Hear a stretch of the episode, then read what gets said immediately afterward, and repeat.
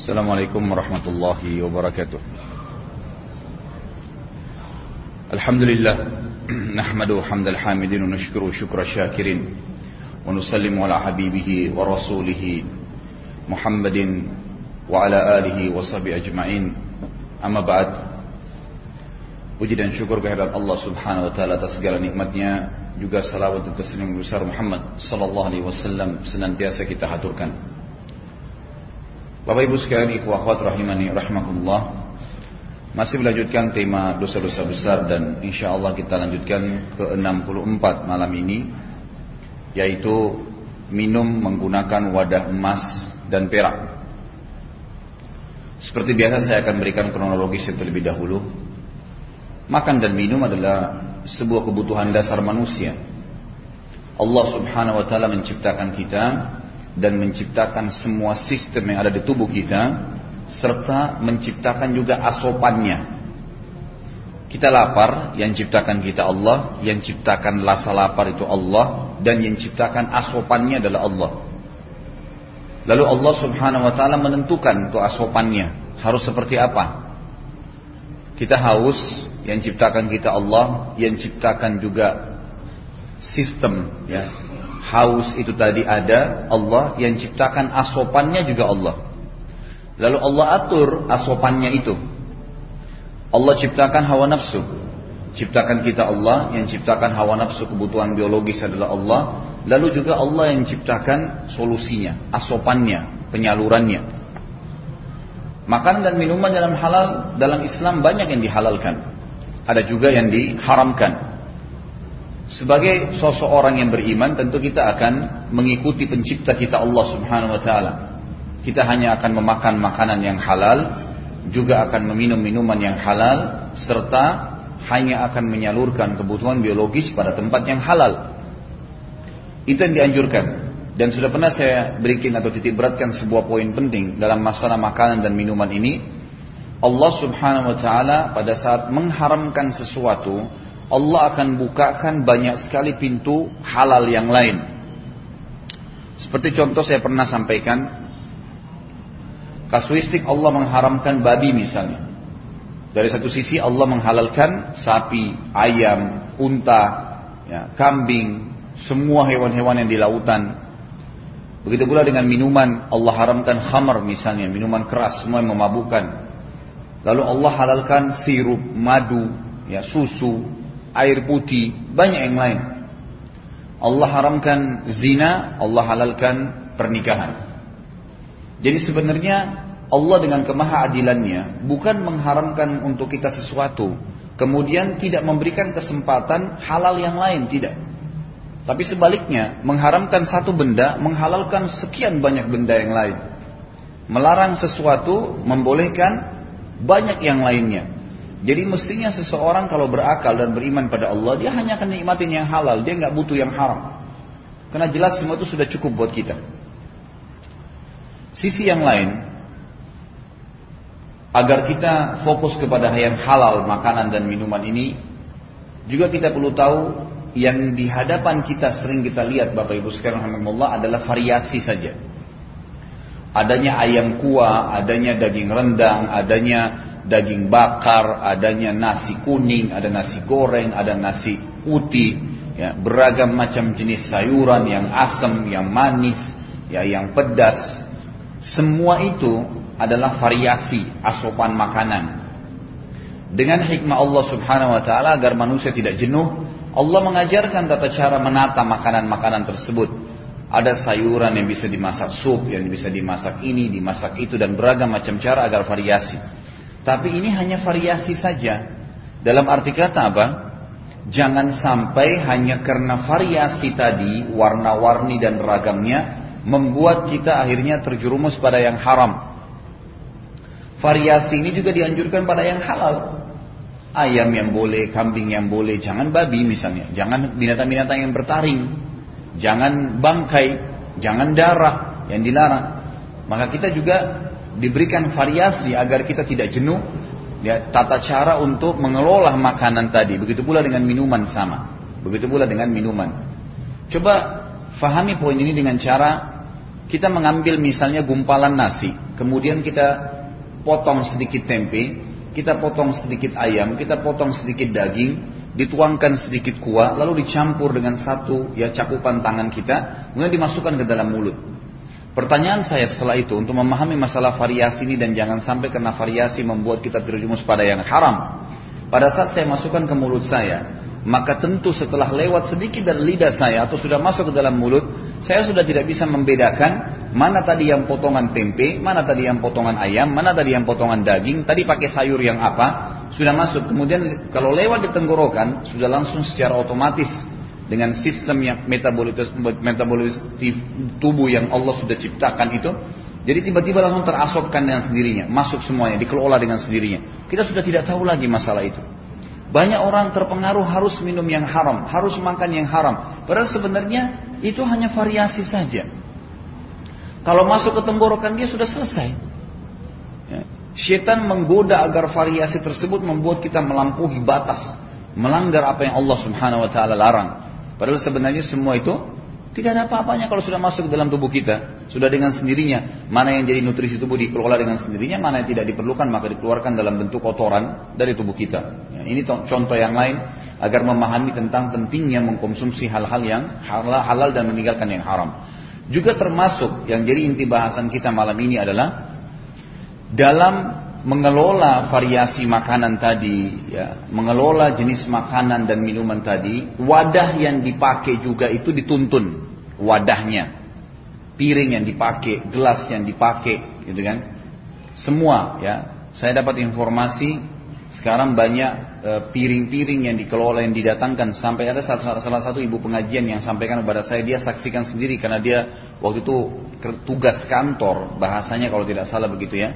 Kalau saya tidak salah ingat memang bahasa tapi memang dia katakan sama saya dia datangkan dia datangi sendiri sebuah pabrik piring di salah satu negara non muslim saya tidak usah sebutkan. Kemudian dia bilang ini dijelaskan sendiri oleh pemilik pabriknya bahwa saya dibuat dari tulang babi misalnya yang dihancurin dicampur dengan bahan keramik sehingga menjadi ya apa namanya piring. Kenapa pakai tulang babi? Karena mereka meluap banyak sekali ya babi di sisi mereka dan sering dibuang. Maka dicarilah oleh pemerintah mereka untuk dikelola agar bisa bermanfaat. Ada yang dikelola menjadi bagian daripada bedak atau bagian kosmetik yang dipakai oleh perempuan. Ada yang dikelola dalam bentuk uh, apa namanya piring-piring. Ada yang digunakan untuk perabot-perabot rumah tangga di antaranya sendok dan semuanya. Nah ini wadah yang untuk mengelola variasi makanan tadi dituntun dalam agama. Sama tadi, nggak boleh memakan makanan dan minum, minum minuman yang haram, juga sama tidak boleh menggunakan wadah yang diharamkan. Sama halnya. Di antara wadah yang diharamkan difokuskan oleh ulama ada dua.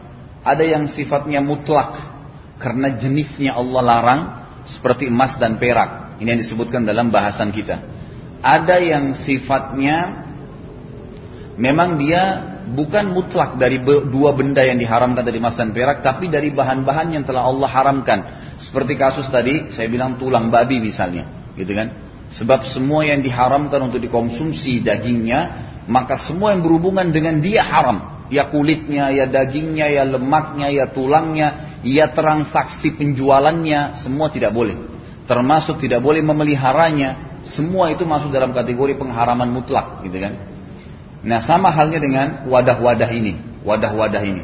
Bolehkah seorang muslim e, membuka restoran lalu menjual babi? Dia nggak makan kok. Tidak boleh. Karena yang haram dimakan dagingnya, haram juga nilainya. Upahnya haram juga, gitu kan? Kemudian sama juga tadi, wadah yang diharamkan untuk dikonsumsi, dipakai konsumsi dari emas dan perak atau bahan-bahan dasar daripada piring atau gelas tadi itu juga barang-barang yang dari ada campuran haramnya juga sama, nggak boleh ditransaksikan. Ya. Jadi ini berarti seorang muslim harus kritis benar. Gimana caranya supaya dia bisa mengontrol masalah ini, mengontrol ya. Yang saya khawatirkan kalau kita di Indonesia ini karena mayoritas muslim, kita merasa semuanya aman-aman saja, ternyata kita tidak tahu apa yang kita gunakan itu ternyata masuk dalam kategori yang haram gitu kan. Karena kita terlalu dilalaikan dengan keadaan, ya, dilalaikan dengan keadaan. Kalau kita lihat di tempat-tempat orang non muslim memang muslimnya rata-rata kritis gitu kan. Rata-rata kritis karena memang mereka merasa perlu untuk mendapatkan bahan-bahan itu, ya bahan-bahan yang halal ya, bahan-bahan yang halal. Maka mereka kritis untuk mencari tahu masalah itu. Itu pun kadang-kadang mereka terjerumus walaupun mereka sudah mencari tahu gitu. Baik wadah yang diharamkan emas dan perak. Emas dan perak ini ada sisi hukum syar'i lainnya. Selain tidak boleh dipakai untuk piring dan gelas bagi laki-laki dan perempuan dia juga diharamkan bagi laki-laki secara khusus untuk dipakai sebagai perhiasan. Seperti misalnya digunakan jadi cincin, kalung, ya. Kalaupun misalnya ya ada orang-orang yang menggunakan atau menggantungkan di bajunya, ini semua tidak boleh. Ya, kalau perempuan boleh, kalau laki-laki tidak boleh, mutlak. Sama halnya berhubungan sedikit dengan bahasan masalah emas ini, ada juga yang diharamkan bagi laki-laki selain emas, ya itu sutra. Saya bicara masalah emas, saya belum bicara masalah perak. Karena perak ini halal bagi laki-laki. Jadi di antara tadi dua benda yang tidak boleh dijadikan sebagai ya, wadah makanan dan minuman emas dan perak, emas ini ada bahasan sendiri. Kalau laki-laki tidak boleh digunakan dalam bentuk perhiasan dengan alasan apa pun. Kalau perempuan boleh. Kalau perak keduanya boleh, laki-laki dan perempuan. Berhubungan dengan masalah emas ini karena hadisnya satu juga sama dengan penggunaan sutra. Sutra itu kain sutra yang asli yang memang bukan cuma sekedar nama sutra itu juga sama diharamkan bagi laki-laki ya umat Muhammad SAW dan dihalalkan bagi kaum wanitanya. Berarti emas ini selain tidak boleh dipakai dalam bentuk piring, makanan dan minuman Sebagian juga ulama mengatakan berarti ditarik dalam hampir seluruh ya tempat atau yang dipakai untuk konsumsi seperti misalnya untuk wadah memasak, misalnya uh, rice cooker misalnya atau apalah ya wadah kendi yang dipakai untuk minum. Ya itu semua kalau ada emasnya maka tidak boleh. Mungkin Anda berkata siapa yang mau pakai begitu emas? Itu di zaman kerajaan-kerajaan dulu mereka pakai. Kendi dibuat dari tanah liat, terus disepuh dengan emas, ya kan? Untuk dipakai minum, ya, dipakai untuk kendi air, ini semua dilakukan oleh mereka. Makanya termasuk tidak boleh. Tapi kalau perak dibolehkan. Juga berhubungan dengan masalah emas tadi kalau laki-laki perhiasan ini termasuk saya titik beratkan dan sudah pernah saya ingatkan dulu. Tolong hilangkan tradisi kalau menikah itu harus tukar cincin. Gitu. Karena tradisi bukan orang Islam, tradisi orang non Muslim. Apalagi dengan menggunakan emas yang sifatnya memang diharamkan bagi kaum laki-laki. Di dalam hadis yang sahih di mana Nabi SAW pernah mengangkat emas di tangan kanan beliau dan sutra di tangan kiri beliau, beliau mengatakan Inna hadzani haramun ala dzukuri ummati. Dua benda ini aku haramkan atau terharamkan bagi laki-laki umatku, bagi laki-laki umatku. Maka laki-laki sebaiknya memang menjauhi ya apa yang berhubungan dengan masalah emas ini. Hanya saja kalau sifatnya itu diharamkan bagi jenis laki-laki dan dihalalkan bagi jenis perempuan, artinya tidak mutlak haram untuk semuanya. Tadi kan kalau wadah makan dan minum laki-laki perempuan tidak boleh. Berarti mereka tidak boleh pakai di rumahnya, pakai di mana pun minum dan makan dengan emas dan perak dan tidak boleh transaksikan. Tapi pada saat terjadi kayak perhiasan dari emas laki-laki dibolehkan tapi eh, eh tidak dibolehkan tapi perempuan dibolehkan, di sini karena ada orang yang ada laki perempuan yang dibolehkan maka boleh transaksikan, tidak masalah. Gitu kan? Tidak masalah, tapi dia pada hal-hal yang juga dibolehkan secara syariah yaitu perhiasan. Kalau dia larikan ke wadah tadi sekali lagi jadi tidak boleh, ya sekali lagi jadi tidak boleh. Juga banyak orang menggunakan wadah untuk tempat duduknya, gitu kan? Yang digunakan dari emas. Ini juga dilarang, ya ini juga dilarang. Ya. Baik, di sini Imam Az-Zahabi mengangkat dalil pertama hadis muttafaqun alaih. Kata Nabi sallallahu alaihi wasallam, "La talbisul harira dibaj wala tashrabu fi aniyati adh-dhahab wal fiddah wala ta'kulu fi sihafiha fa innaha lahum fid dunya wa lakum fil akhirah." Janganlah kalian mengenakan sutra dan dibaj. Ya, sebenarnya ada harir dan dibaj, gitu kan? Eh, sundus maaf sundus dan harir eh, sundus dan dibaj ini dalam Al-Quran dikatakan ya. ada dua istilah sutra dalam Al-Quran kalau eh, eh, harir itu lebih cenderung kepada sutra yang sifatnya halus tipis Kalau dibaj lebih banyak kepada sutra yang tebal, ya. kain sutra yang tebal. Ini dua-duanya dilarang. Jangan kalian pakai sutra itu, kedua jenisnya, lembut, yang tipis ataupun yang tebal. Dan janganlah kalian minum menggunakan bejana emas dan perak. Dan jangan kalian makan menggunakan piring yang terbuat darinya. Minum dan makan berarti tidak boleh. Karena sesungguhnya ini alasan, salah satu alasan syar'inya adalah benda-benda tadi ya yang dipakai makan wadah dan minum itu kalau di sepuh emas dan perak adalah untuk mereka orang-orang kafir di dunia dan untuk kalian di akhirat. Apa makna kalimat dikatakan untuk kalian di dunia, untuk mereka dunia, untuk kalian di akhirat? Berarti orang-orang kafir juga sama merasakan kenikmatan. Toh nanti di akhirat kita juga sama. Seperti misalnya khamr, minuman keras, haram bagi orang mukmin ya di dunia. Tapi dia termasuk minuman ahli surga. Dalam surah Muhammad Allah ceritakan ada wa anharun min khamrin ladzatun lisyaribin. Salah satu sungai di surga nanti ada sungai khamr, arak yang sangat lezat untuk diminum. Orang kafir boleh minum di dunia, orang muslim tidak boleh minum di dunia, haram. Pertanyaannya, apakah ini berarti orang kafir juga tetap menikmatinya di dunia dan akhirnya di akhirat mereka kehilangan hanya sekitar begitu pemahamannya atau ada pemahaman yang lain? Ada sebuah jawaban para ulama yang sangat menarik di sini. Mereka mengatakan Allah Subhanahu wa taala menciptakan sistem kita di muka bumi ini dengan beberapa variabel yang berhubungan sekali dengan kehidupan dunia kita. Seperti misalnya, ada hasil survei membuktikan bahwasanya orang kalau minum di gelas dari emas atau perak dan itu e, benda-benda ini kalau tersentuh dengan air minum atau kuah makanan, gitu kan? Kemudian masuk ke dalam tubuh, dia membawa ya hal-hal yang tidak bisa dijangkau oleh mata manusia kasat mata biasa tapi itu ada saja ya komponen-komponen tertentu yang terbawa dengan makanan dan minuman itu yang sangat berbahaya bagi kesehatan manusia di dunia secara duniawi. Nah di ukhrawi, di akhirat sana berbeda. Di akhirat itu Allah angkat semua permasalahan. Allah angkat permasalahan. Sudah berbeda. Apa yang menjadi penyebab makanan dan minuman serta wadah itu berbahaya bagi manusia di dunia sudah diangkat oleh Allah Subhanahu wa taala. Sebagaimana kita kalau masuk ke dalam surga, insya Allah maka sudah diangkat semua itu. Tidak ada rasa cemburu, nggak ada iri hati, nggak ada hasut, nggak ada penyakit hati, bersih semua ahli surga, nggak ada sama sekali. Orang sampai ulama menjelaskan kalau ada suami istri pernah bertengkar, kemudian mereka cerai di dunia, lalu kemudian mereka masing-masing menikah, mungkin masih terbawa rasa jengkel dengan pasangannya sebelumnya. Setelah mereka tiba di surga pun Allah angkat tuh, nggak ada lagi rasa itu. Udah selesai. Itu urusan dunia yang sudah berlalu. Jadi hanya sekedar dilewati di kehidupan dunia. Di akhirat berbeda.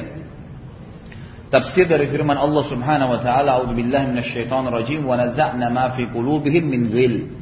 Dan kami cabut dari hati-hati mereka dari ghil. Ghil itu semua yang merupakan penyakit hati yang berbahaya bagi ahli surga nantinya yang terjadi di dunia. Jadi sebenarnya pengharaman sesuatu di dunia itu, ikhwas sekalian rahiman rahimakumullah, itu bukan hanya sekedar pengharaman karena dia hukum syar'i saja, tapi ulama semua hampir sepakat mengatakan tidak ada sesuatu yang Allah haramkan kecuali pasti berbahaya. Ada variabel bahaya bagi seorang manusia baik sisi kesehatan atau kehidupan sosialnya. Ya terutama berhubungan dengan masalah kesehatan fisiknya kalau makanan dan minuman. Jadi ini sangat berpengaruh sekali, sangat berpengaruh sekali berhubungan dengan kesehatan. Tapi di akhirat sudah berbeda. Ya Allah Subhanahu wa taala sudah angkat masalah-masalah seperti itu. Ini juga mirip dengan hadis Nabi Shallallahu Alaihi Wasallam. Diambil juga pelajaran daripada hadis pertama ini. Selain tadi bagaimana memahami pemahaman itu untuk orang-orang kafir di dunia dan untuk untuk kalian ya di akhirat. Juga ada sisi lain dalam hadis Bukhari yang lain. Pernah Nabi pernah Umar bin Khattab masuk di rumah Nabi Shallallahu Alaihi Wasallam waktu Nabi sedang e, tersebar berita beliau menceraikan istri-istrinya. Ternyata itu cuma isu yang tersebar gitu. Lalu Umar bin Khattab merasa ketakutan karena anak beliau Hafsah salah satu istri Nabi Shallallahu Alaihi Wasallam. Maka Umar pun berkata, pada saat itu kebetulan ada salah satu suku, kalau tidak salah Bani Amir akan menyerang kota Madinah dan masyarakat Madinah muslimin lagi siap-siap untuk persiapan perang gitu. Lalu tiba-tiba tersebar berita di Madinah ya, bahwasanya ada berita lebih penting daripada uh, membendung penyerangan Bani Amir yaitu Nabi Shallallahu Alaihi Wasallam menceraikan istri-istrinya. Waktu itu kebetulan istri-istrinya ya sepakat untuk meminta penaikan ya apa namanya nafkah. Lalu Allah Subhanahu Wa Taala menurunkan firman-Nya yang sangat tegas kepada istri-istri Nabi SAW. Kalau mereka tetap mau seperti itu, maka akan diberikan kenikmatan dunia, tapi pisah dengan Nabi SAW dan mereka tidak dapat bagian di akhirat. Tapi kalau mereka mau sabar, menikmatin sama Nabi di dunia ini apa yang telah Allah karuniakan, maka mereka akan mendapatkan pahala yang didobelkan. Intinya semua istri Nabi SAW setuju akhirnya dan merasa menyesal dan Nabi SAW sempat menghajar mereka, tidak tidak berkumpul dengan mereka selama sebulan. Waktu Umar radhiyallahu mendengar berita tersebut, beliau ketakutan, jangan sampai anaknya Hafsah diceraikan. Lalu beliau datang sambil mengatakan di tengah jalan, Ya Allah, sungguh rugilah Hafsah kalau sampai Rasulullah SAW menceraikan. Janganlah engkau melakukan, janganlah engkau membiarkan nabinya, nabimu Muhammad SAW menceraikan anakku. Lalu sambil jalan sampai di rumah Nabi SAW. Waktu sampai masuk, izin Nabi SAW izinkan. Ternyata Nabi SAW lagi tidur dan sisi tubuh beliau tersentuh atau ter, eh, tertempelkan tanah-tanah di rumah beliau. Umar bin Khattab waktu masuk, melihat keadaan Nabi SAW menangis. Lalu kata Umar radhiyallahu ya Rasulullah, sesungguhnya Raja Persia, Raja, Raja Rum, semuanya mereka menikmati dipan-dipan yang empuk, ya dengan kipas-kipas dan dayang-dayang yang, yang yang mengurus mereka. Sementara anda di sini, ya tidur seperti ini dalam kondisi keringatan, kemudian tanah melengket di tubuh beliau, gitu kan? Sambil Umar menangis. Nabi SAW waktu dengar Umar berkata begitu, beliau lagi baring, kemudian beliau duduk sambil berkata wahai ibnu Khattab, wahai anaknya Khattab, apakah ya apakah kamu masih ragu dengan apa yang Allah janjikan? Sesungguhnya milik kita semuanya kenikmatan itu di akhirat dan milik orang kafir di dunia. Milik orang kafir di dunia. Ini juga mirip dengan sabda Nabi Shallallahu Alaihi Wasallam bahwasanya dunia adalah penjaranya orang mukmin dan ya istananya orang-orang kafir, gitu kan? Karena memang kita memiliki banyak hal-hal yang diharamkan dalam agama yang tidak boleh begitu saja kita lakukan. Gitu. Ada batasan-batasan tapi dengan hikmah Allah SWT semua juga berhubungan dengan masalah kehidupan ya atau kesehatan tadi yang saya bahasakan. Dalil yang kedua adalah disebutkan dalam hadis riwayat Imam Muslim dalam Kitabul Libas wazina Kata Nabi sallallahu alaihi wasallam, "Innal ladzi ya'kulu aw yashrabu fi ina'i adh-dhahabi wal fiddati innama yujarjiru fi batnihi nar jahannam." Sesungguhnya orang yang makan atau minum menggunakan bejana emas atau perak, pada hakikatnya dia menggejolakkan api jahanam di dalam perutnya. Kata ulama hadis yang dimaksud adalah kalau dia tidak sempat taubat, berarti Allah Subhanahu wa taala akan menghukumnya. Allah Subhanahu wa taala akan menghukumnya di api neraka ya dari makanan tadi yang masuk ya dari bejana yang diharamkan itu. Jadi sebenarnya masalahnya sederhana, hanya penggunaan piring, hanya penggunaan gelas, Gitu kan? Tapi kalau dari hal-hal yang diharamkan maka sama akan mendatangkan siksaan sebagaimana kalau kita makan makanannya, asopannya yang haram. Jadi wadahnya haram, wadahnya juga haram. Dan ulama sepakat mengatakan kalau ada orang makan misalnya daging babi, haram. Kemudian dia taruh di piring yang dari emas, haram juga. Maka dia mendapatkan double dosa. Dan semuanya adalah bagian daripada dosa-dosa besar. Sebagian juga ulama memberikan wacana bahwasanya yang dimaksud dengan dia akan dia akan gejolakkan api neraka jahanam di perutnya. Selain urusan akhirat di dunia juga akan diberikan. Ya, sampai sebagian ulama bilang bukan mustahil kalau dia tidak taubat kepada Allah, Allah akan cobakan di dalam perutnya ya penyakit-penyakit yang akan membuatnya susah, gitu kan? Seperti ada neraka api jahanam dalam perutnya. Kemudian dalil yang terakhir adalah beliau mengangkat tiga dalil di sini Diriwayatkan Imam Muslim di mana Nabi sallallahu alaihi wasallam bersabda, "Man syariba fil fiddati lam yashrab fiha fil akhirah." Barang siapa yang minum dari bejana, bejana perak, niscaya dia tidak akan minum dengannya di akhirat nanti.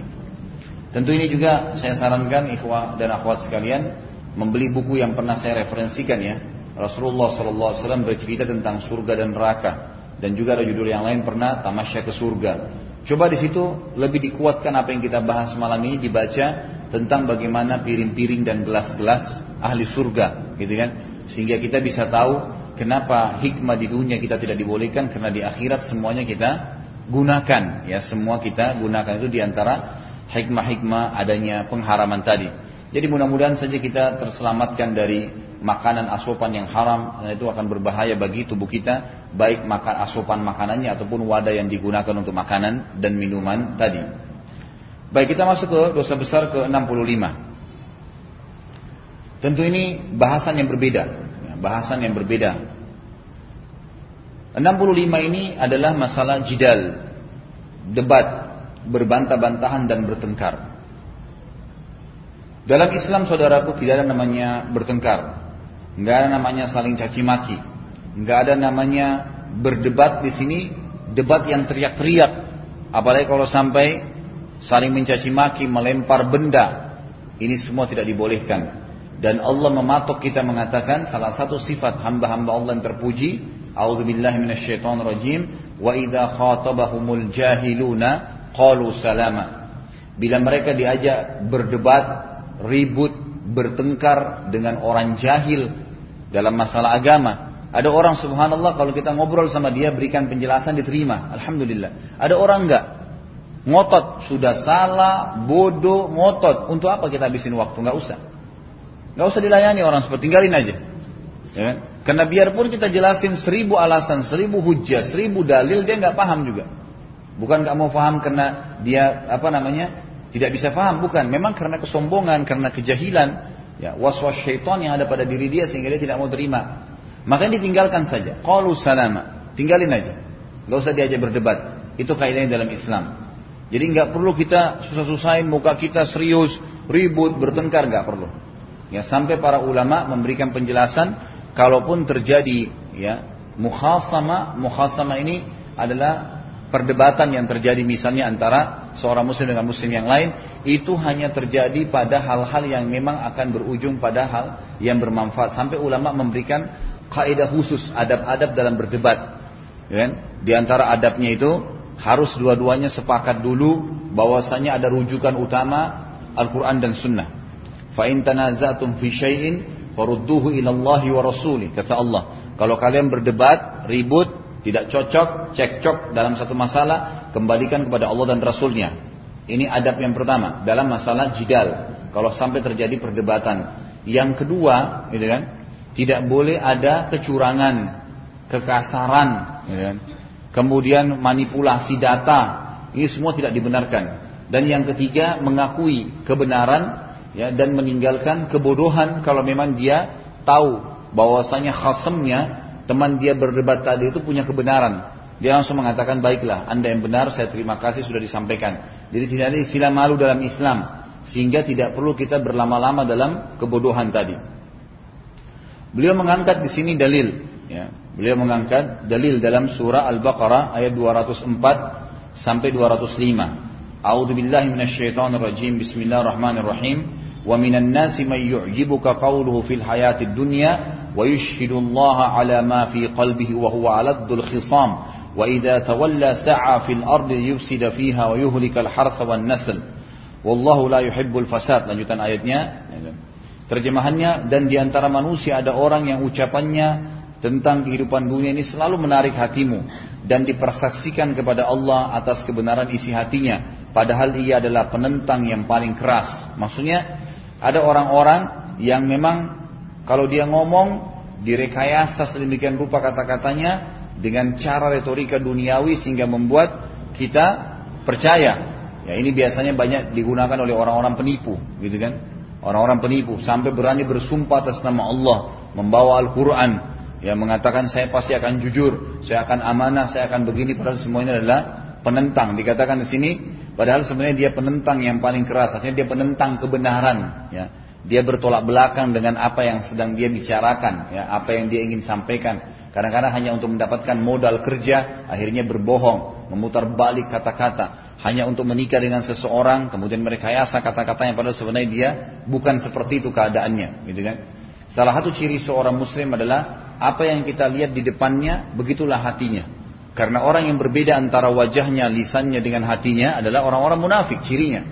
Mereka muzabzab, ya dalam Al-Quran muzabzabina baina dzalik, mereka itu orang yang bimbang, ya orang yang tidak jelas statusnya, ya. La ilaha ulai wa la ilaha ula. Tidak mengikuti orang mukmin, tidak mengikuti orang kafir. Sebagian ulama tafsir bilang sampai-sampai cirinya orang munafik kalau ketemu kita senyumnya lebar sekali. Gitu kan? Ternyata di belakang dia menceritakan segala macam seribu macam masalah tentang kita. Ini orang-orang yang tidak benar dan bukan sifatnya orang mukmin. Orang mukmin apa yang ada di depan dia, apa yang dia ngomong di belakangnya akan sama. Yang dia tidak senang dia selesaikan pada saat itu. Dan sudah saya bahasakan kalau kita salah pada seseorang, jangan nginap malam ini kecuali anda sudah minta maaf dengan dia. Tidak ada waktu. Kalau kita meninggal nanti malam bagaimana caranya?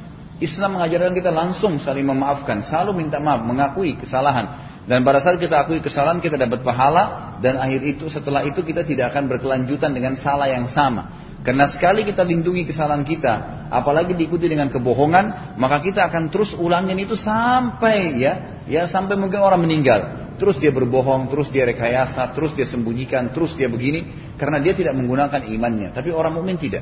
Pada saat itu selesai permasalahannya, ya dikelirkan. Jadi tidak butuh untuk menunggu waktu yang lama. Dan apabila dia berpaling darimu kata Allah, maka dia berjalan di muka bumi untuk mengadakan kerusakan padanya. Maksudnya dengan menyebarkan berita-berita yang tidak benar dan merusak tanaman-tanaman serta binatang ternak. Ya. Dan Allah tidak menyukai orang-orang yang membuat kerusakan. Subhanallah kata para ulama tafsir dalam tafsir ayat ini orang kalau sudah terbiasa merusak hubungannya dengan manusia dengan lisannya tajam dengan berdebat dengan ini itu nanti dia akan sampai pada tingkat mencaci maki binatang mencaci maki tumbuhan, ya. segala macam apa yang dia temukan seperti yang Allah katakan, bahkan dia akan merusak tanaman-tanaman. Di sini ulama tafsir bilang dengan kata-katanya yang tajam, ya, mencaci maki pohon, sengaja mencabutnya, sengaja marah-marah, padahal semua itu adalah makhluknya Allah Subhanahu wa taala. Saya sudah pernah berikan penjelasan saudaraku, semua di muka bumi ini itu ada pahalanya. Kata Nabi Shallallahu Alaihi Wasallam, "Fi kulli kabidin ratabatin ajir." Di setiap denyut kehidupan itu ada pahala. Semut yang lagi lewat, kita biarkan lewat dapat pahala. Pohon yang kita bernaung di bawah rindangan supaya tidak panas, kita biarin daunnya tidak sengaja iseng dicabut, dapat pahala. Gitu kan? Dan seterusnya. Ada orang subhanallah sengaja buat masalah. Ini semua tidak dibenarkan dalam agama Islam. Semua tidak dibenarkan dalam agama Islam. Dan subhanallah, siapa pun yang menjadi orang mukmin dan dia tahu memberikan hak hamba-hamba Allah, Allah subhanahu wa ta'ala akan menyebarkan keadilan pada dirinya. Allah subhanahu wa ta'ala akan mudahkan urusan-urusannya dan seterusnya. Seperti Umar bin Abdul Aziz rahimahullah dikatakan dalam kisahnya, beliau pada saat jadi khalifah, beliau naik di atas mimbar dan beliau berkata, ya, saya perintahkan atas nama Amir Mukminin agar tidak boleh hewan-hewan saling mengganggu satu sama yang lain dan tidak boleh ya hewan-hewan memakan ya rumput-rumput yang ada di dalam halaman manusia. Instruksinya begitu. Orang-orang pada saat dengar beliau bicara khutbah di atas mimbar, orang-orang pada bingung. Ini Amir Mu'minin bicara apa nih? Tidak ada hewan di situ. Tidak ada hewan. Tapi beliau bicara seperti itu. Subhanallah, setelah dua tahun berjalan kepemimpinannya, baru orang-orang sadar Ternyata apa yang diucapkan beliau karena keimanannya yang luar biasa dan dia tahu itu juga makhluknya Allah, itu terjadi. Selama dua tahun beliau memimpin tidak pernah ada serigala memakan domba, nggak pernah di zaman Umar bin Aziz, nggak pernah. Tidak pernah ada domba sama domba lain saling tanduk, nggak pernah. Tidak pernah ada kucing memakan tikus di situ zaman itu, nggak pernah. Sampai dua tahun tuh beliau memimpin, tidak pernah ada kambing yang masuk ke halaman rumah manusia kemudian makan rumputnya. Itu semua terbongkar pada saat beliau meninggal dunia rahimahullah. Pada saat beliau meninggal dunia, ada berita tersebar dia di kalangan kali ini dulu tempatnya jauh di Damaskus ibu kota Syria dengan orang-orang Islam banyak di Irak banyak di negara-negara Afrika bagaimana cara menyampaikan informasi zaman dulu orang cuman mengirim informasi melalui burung merpati atau misalnya mengirim seseorang utusan naik kuda maka ada berita di antaranya adalah di ujung Afrika sana ada seseorang yang mengatakan kepada tetangganya, wahai fulan, setelah berikan salam, ini kambing kamu ambillah karena sudah merusak tanaman saya, memakan tanaman saya. Tetangganya tadi itu keluar yang punya kambing bilang, Inna lillahi wa inna ilahi rajiun. Kami milik Allah, kami akan kembali kepada Allah. Sungguh hari ini Amir Mukminin sudah meninggal. Umar bin Abdul Aziz meninggal hari ini. Tetangganya yang punya tanaman bilang, loh kenapa kau bilang begitu? Dia bilang iya, kalau sudah mulai ada kambing yang makan tanaman manusia berarti dia sudah meninggal. Karena dia sudah meninggal dengan keadilannya gitu kan. Sampai seperti itu. Ya bagaimana keadaan orang yang memang memperhatikan hamba-hamba Allah Allah membuat makhluk-makhluk yang lain pun tunduk dengannya ya menghormati keputusan dia dan keimanannya kepada Allah subhanahu wa taala. Ada yang satu lagi ada berita yang tersebar di ujung Irak sana Ya di zaman Umar bin Aziz ternyata ada berita bahwasanya domba seorang pengembala dimakan oleh serigala. Setelah dua tahun tidak pernah ada serigala yang makan domba. Maka pada saat itu tersebarlah berita bahwasanya Umar bin Aziz sudah meninggal dunia. Karena selama dia memimpin tidak pernah ada serigala yang memakan domba di zamannya. Gitu. Sampai seperti itu. Seperti itu kurang lebih. Orang mukmin subhanallah, dia hubungannya dengan Allah SWT akan berpengaruh pada kehidupan dia sehari-hari. Gitu. Di sini Allah mengatakan kalau orang yang terbiasa membuat kerusakan sebaliknya bermaksiat, dia nanti akan ke mana-mana tuh setan akan goda dia. Kalau nggak ada manusia yang dia bisa caci maki, dia akan caci maki pohon, dia akan caci maki hujan, dia akan caci maki waktu, dia akan caci maki dirinya sendiri, dia akan caci maki hewan-hewan beragam macam yang dilakukan.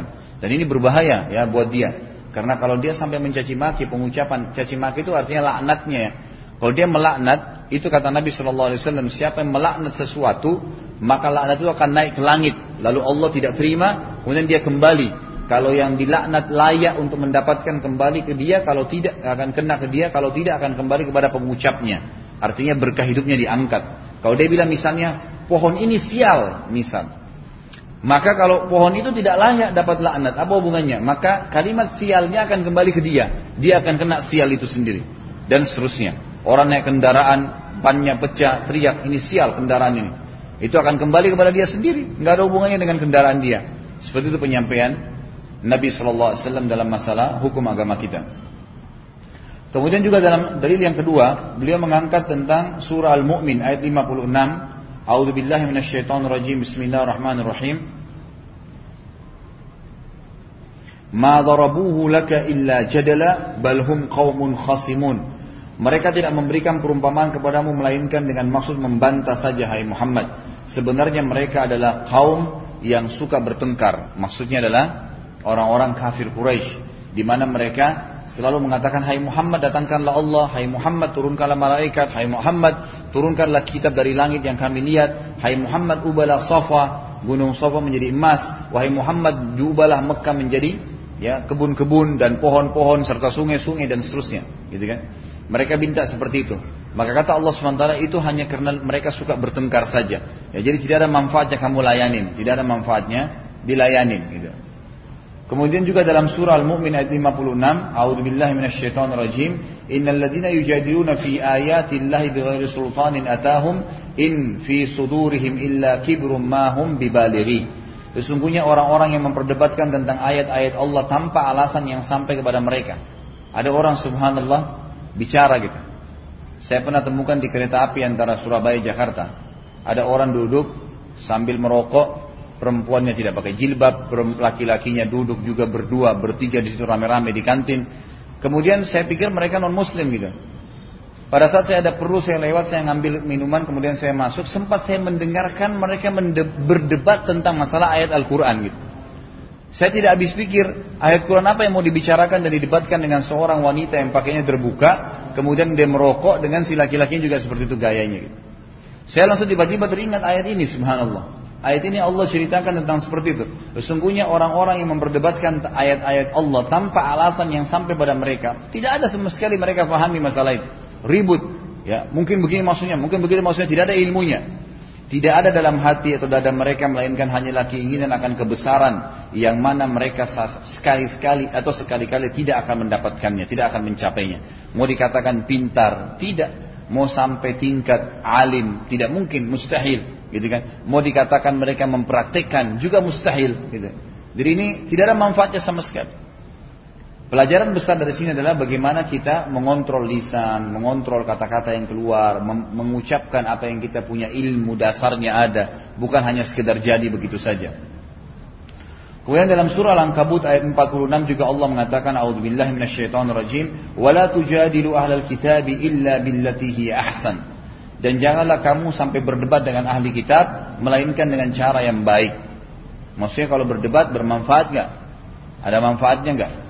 Kalau nggak ada manfaatnya nggak usah berdebat kita.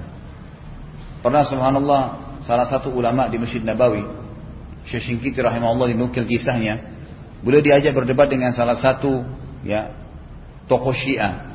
Ayo kita berdebat tentang Syiah sama Sunni. Syekh Syinkiti rahimahullah mengangkat Al-Quran dulu, mengatakan, apa kau percaya dengan Quran ini? Kau percaya nggak dengan ini yang saya pegang Al-Quran? Dia diam pertama orang Syiah itu, kemudian yang kedua dia mengatakan, lalu kemudian dia mengatakan tidak, saya tidak percaya. Jadi dia tidak percaya Quran kita gini. Kata Syekh kita kalau kita tidak usah kita berdebat, tidak ada gunanya. Nggak ada referensinya, nggak ada kejelasannya. Untuk apa? Kalau ada rujukan yang benar, baru kita bisa bicara. Gitu. Kita berdebat pada mereka kalau hal itu bermanfaat. Kalau tidak bermanfaat, jangan berdebat, nggak perlu, nggak perlu, gitu kan? Nabi saw sampai ditegur sama Allah dalam surah Abasa wa Tawalla, gitu kan?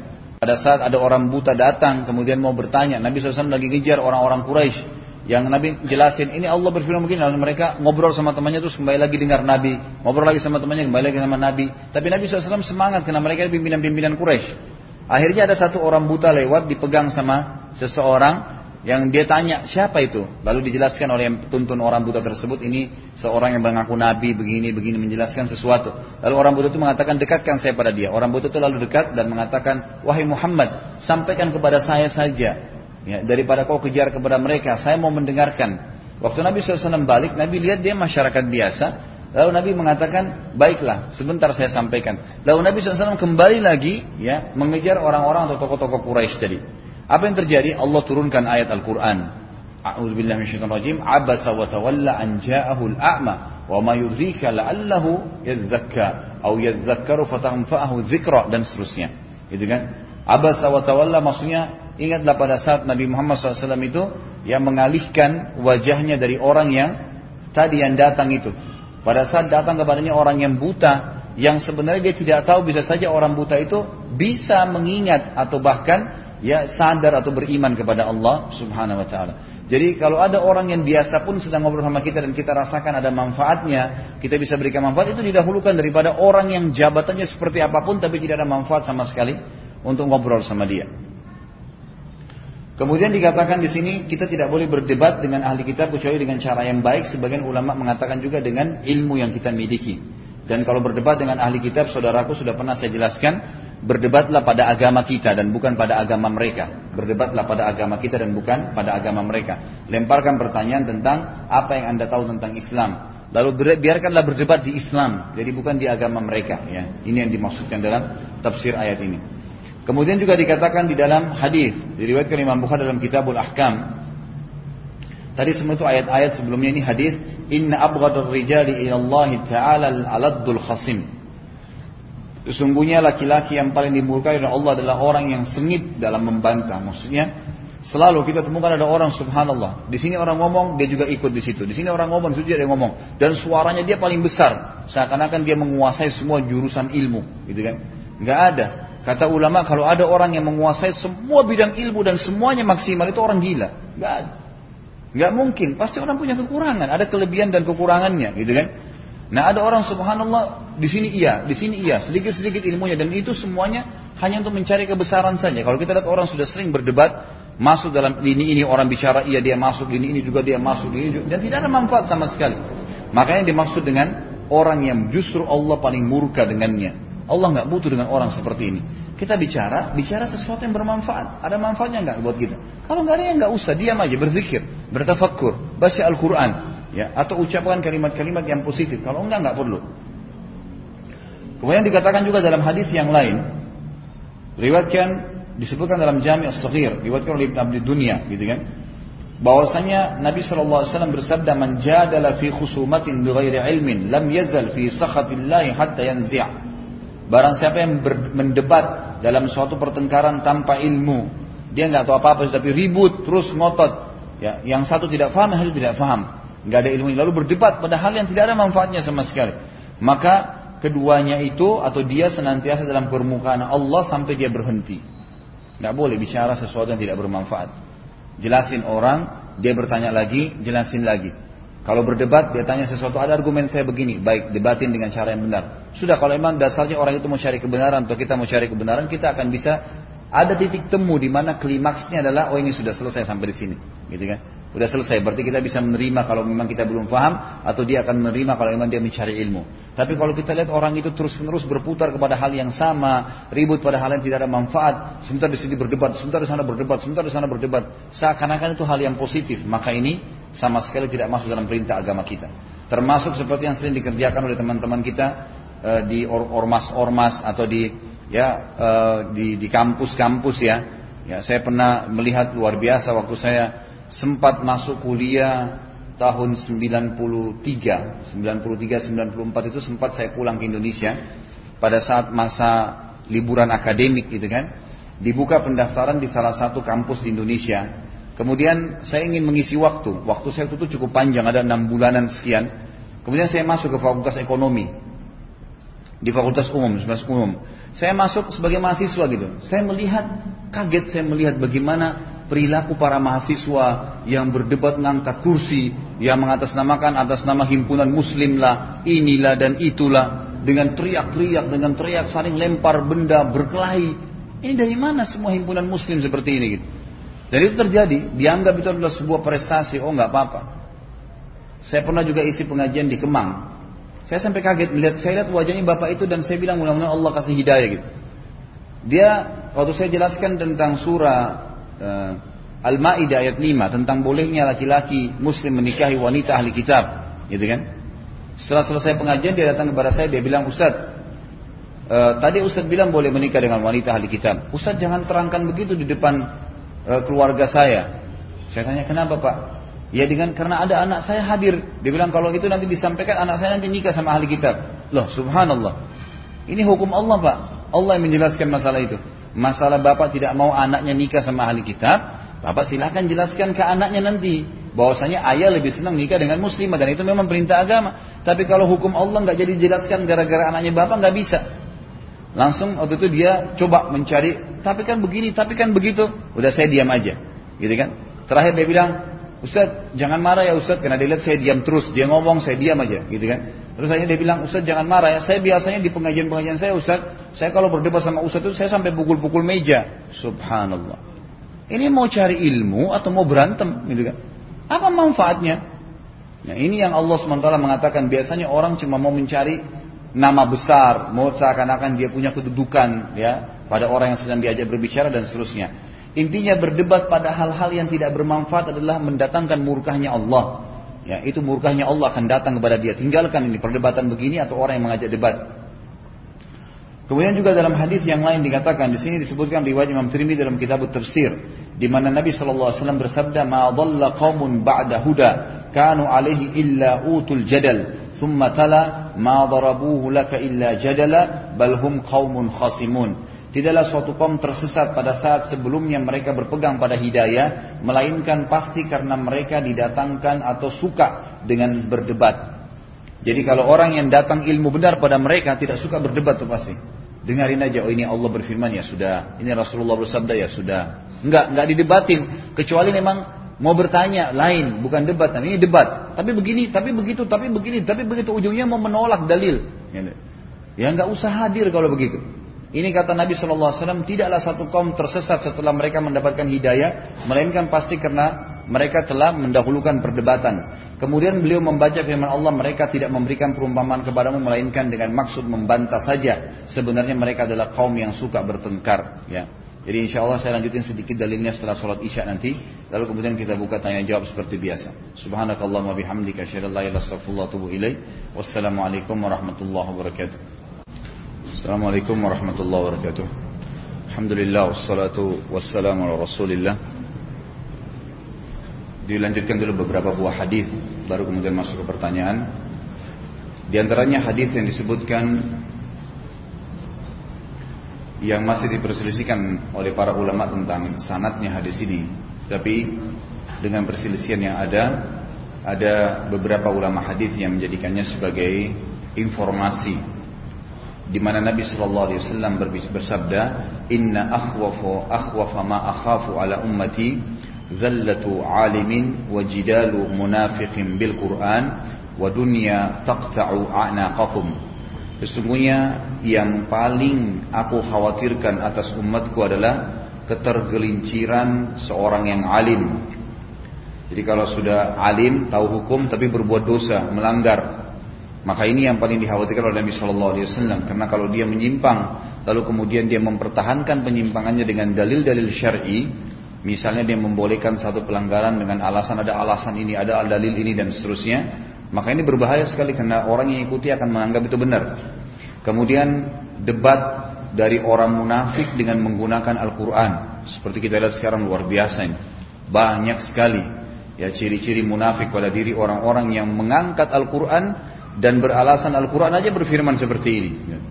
Dan itu banyak sekali orang-orang munafik. Allah musta'an. Di tengah-tengah kita di Indonesia ini juga banyak di antara kita tidak menyadari bahwasanya orang munafik banyak sekali di Indonesia. Dan ini Allah Subhanahu wa taala menggambarkan kepada kita dalam surah lengkap namanya surah Al-Munafiqin. Ya, surah munafik di mana Allah SWT menceritakan adanya orang-orang munafik di tengah Nabi Wasallam, apalagi di tengah kita sekarang. Mereka berkedok Islam, mereka berbicara dengan bahasanya orang Islam, mereka berpakaian dengan pakaian Islam. Lebih parah lagi mereka menggunakan Al-Quran. Allah berfirman begini, tapi dibolak-balik datanya. Faktanya dibolak-balikan. Ya kata ulama termasuk diambil daripada hadis ini adalah banyaknya atau yang merupakan ciri yang orang munafik adalah banyaknya mereka menggunakan dalil-dalil Al-Quran yang mereka bolak-balikan hukumnya, ya, faktanya bukan seperti yang sebenarnya gitu kan? Bukan seperti sebenarnya. Seperti sekarang banyak orang mendatangkan potongan-potongan ayat bolehnya lintas nikah lintas agama karena alasan adanya ya firman Al-Qur'an. Firman Allah SWT Al-Qur'an yang menceritakan tentang ahli ahli kitab juga ada yang akan masuk ke dalam surga. Ya tanpa memahami tentang hukum syar'i yang sebenarnya. Padahal ahli kitab yang dimaksud yang akan masuk ke surga adalah orang-orang yang beriman ya kepada Nabi Isa alaihissalam sebelum Nabi Muhammad SAW diutus, gitu kan? Kalau mereka beriman pada saat itu, Allah jelaskan dalam Al-Quran bahwasanya mereka termasuk ahli surga. Tapi setelah Nabi Muhammad SAW diutus, gak ada lagi ahli kitab yang masuk ke surga kecuali mereka beriman. Karena kata Nabi SAW dalam hadis Sahih riwayat Imam Muslim, tidak ada seorang pun yang mendengarkan saya diutus menjadi nabi dari Yahudi, Nasrani, Majusi, lalu mereka tidak beriman kepada saya kecuali mereka ter, dan mereka meninggal dalam keyakinan itu kecuali mereka termasuk penghuni neraka. Jelas, gitu kan? Allah juga berfirman, "A'udzubillahi minasyaitonir innal ladzina kafaru min ahli kitabi wal musyrikin fi nari jahannam khalidina fiha." Sesungguhnya orang-orang yang ahli kitab, ya, Orang-orang musyrik mereka telah kafir dan mereka akan kekal dalam api neraka kalau seandainya mereka meninggal dalam keadaan keyakinan tersebut. Jadi ini contoh ya, menggelintirkan ayat makna ayat yang sebenarnya. Jadi mereka membolehkan beragam macam statement yang tidak masuk ya, tidak sambung, tidak nyambung dalam statement yang disampaikan oleh para ulama yang sudah kembali kepada Al-Quran dan Sunnah. Jadi ini orang kedua yang paling Nabi SAW khawatirkan adalah orang munafik yang berdebat dengan menggunakan Al-Quran. Dan yang ketiga adalah dunia yang kalian kejar sehingga membuat leher kalian terpotong. Artinya saling berdebat, saling ribut, masalah dunia akhirnya sampai saling bunuh membunuh, gitu kan. Kemudian juga dikatakan di dalam hadis yang sahih riwayat Abu Daud dalam kitab Sunnah kata Nabi sallallahu alaihi wasallam al-mira'u fil Qur'ani kufrun. Berdebat dalam Al-Quran adalah suatu kekufuran. Maksudnya mendebati tentang kesahihan dan keabsahan Al-Quran. Gitu kan? Jadi kalau sudah ada orang yang ragu, Quran sudah lengkap belum ya? Gitu kan? Quran ini benar nggak ya? Gitu kan. Mungkin nggak ada ayatnya diganti, ragu. Padahal Allah sudah mengatakan dalam Al-Quran, A'udzubillahi minasyaitonirrajim, inna nahu wa inna lahu lahafizun. Kami turunkan Al-Quran dan kami akan menjaganya, pasti. Lalu dia bilang tidak, mungkin ada salah, mungkin ada kurang. Ya seperti saya bahasakan kelompok Syiah yang berani mengatakan Quran itu kurang sampai ada 49 juz di sisi mereka. Apa sabda Nabi SAW dalam hadis sahih ini? Al-mira'u fil Qur'ani kufrun. Mendebati Al-Quran, meragukan tentang kebenarannya adalah kekafiran. Juga dikatakan di dalam hadis yang lain riwayat Abu Daud dalam Kitabul Aqdiyah di mana Nabi SAW bersabda man khasama fi batil wa huwa ya'lam lam yazal fi sakhatillahi hatta yanzi' Barang siapa yang bertengkar, berdebat, ya bantah-bantahan dalam suatu kebatilan sementara dia sudah tahu dia salah. Dia tahu ini batil, tapi tetap aja dia ngotot, mungkin karena jabatan, karena urusan dunia, karena nama baik dan seterusnya, maka dia senantiasa dalam murka Allah sampai dia berhenti atau taubat. Dalam riwayat yang lain juga Abu Daud dengan sanad yang sahih dengan lafaz yang lain kata Nabi sallallahu alaihi ba'a bi ghadabin min Allah. Maka dia telah mengundang murkahnya Allah. Artinya dia telah ditimpa murka Allah subhanahu wa taala dalam riwayat yang lain juga, riwayat yang Imam Ahmad dengan sanad yang sahih, di mana hampir mirip dengan riwayat yang sebelumnya, Nabi SAW bersabda, "Akhwafu ma ala ummati kullu munafikin alimul lisan." Yang paling aku takutkan menimpa umatku adalah setiap orang munafik yang lidahnya pandai berbicara, gitu kan? Yang akhirnya memutar memutar fakta, ya memutar balikan data-data yang sebenarnya dan banyak orang yang percaya kalau dia adalah orang muslim. Di zaman sahabat orang-orang munafik banyak yang percaya. Banyak yang percaya. Gitu kan?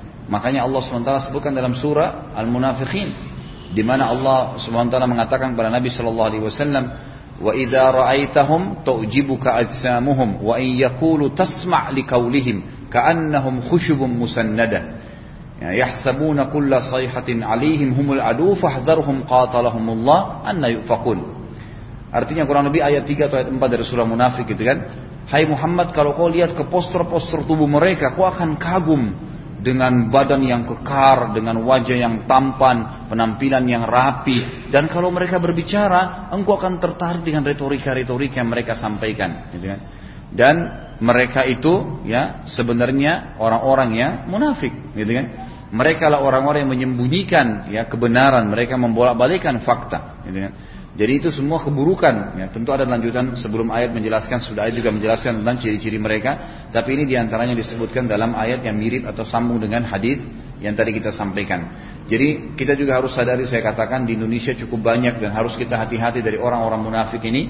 Ya di mana mereka jelas ciri-cirinya pada Nabi SAW yang katakan mereka kalau berbicara bohong. Mereka kalau berjanji mereka tidak tepati janjinya. Ya, mereka kalau diamanahkan mereka berkhianat. Berapa banyak ini ada pada diri orang kita di Indonesia. Ya pejabatnya masyarakat biasanya. Dan kata Nabi SAW ada empat hal kalau tidak ditinggalkan oleh seseorang selama masih ada pada dirinya, pastikan dia munafik tulen, pasti, gitu kan? Itu kalau dia berbicara dia bohong, kalau dia berjanji dia tidak tepatin, kalau dia berikan amanah dia berkhianat, dan kalau dia berdebat maka dia berlaku curang, ya, bertengkar, ribut, menggunakan kekuatan, power, uang dan seterusnya untuk membenarkan kebatilan yang sedang dia ya pertahankan. Kemudian hal yang sangat menarik dari Imam Az-Zahabi rahimahullah beliau menyebutkan hadis penutup dalam bab ini yang sangat luar biasa. Hadis sahih riwayat Imam Tirmidzi, Nabi SAW bersabda al-haya'u wal-'iyyu syu'batan minal iman wal badha'u wal bayanu syu'batan minan nifaq. Malu dan sedikit berbicara Ya, jadi di sini menjauhi kata-kata yang bisa yang, yang tidak bermanfaat ditinggalkan. Boleh bercanda tapi nggak ada kebohongan, nggak ada menjatuhkan orang, nggak ada kehinaan, ya tidak ada gibah, nggak ada fitnah. Jadi dia kalau bicara malu, mau berbuat salah malu, berbicara pun hal-hal yang penting gitu kan. Adalah dua cabang dari cabang-cabang keimanan. Sedangkan berbicara kotor dan banyak omong, nggak terarah, semua bidang dimasukin bicara, nggak ada manfaat, bukan dia ahlinya, tidak ada sesuatu yang bisa disampaikan, tidak ada targetnya. Tetap aja dia ngomong. Adalah dua cabang dari cabang-cabang kemunafikan. Dua cabang dari cabang-cabang kemunafikan. Kesimpulan yang kita sampaikan adalah berarti semuanya diperintahkan dalam agama kita untuk ya menjaga lisannya, perilakunya, tidak berdebat kecuali pada hal-hal yang Memang artinya tidak menjauhi perdebatan dan hanya berbicara pada hal-hal yang bermanfaat saja. Kurang lebih itu kesimpulan.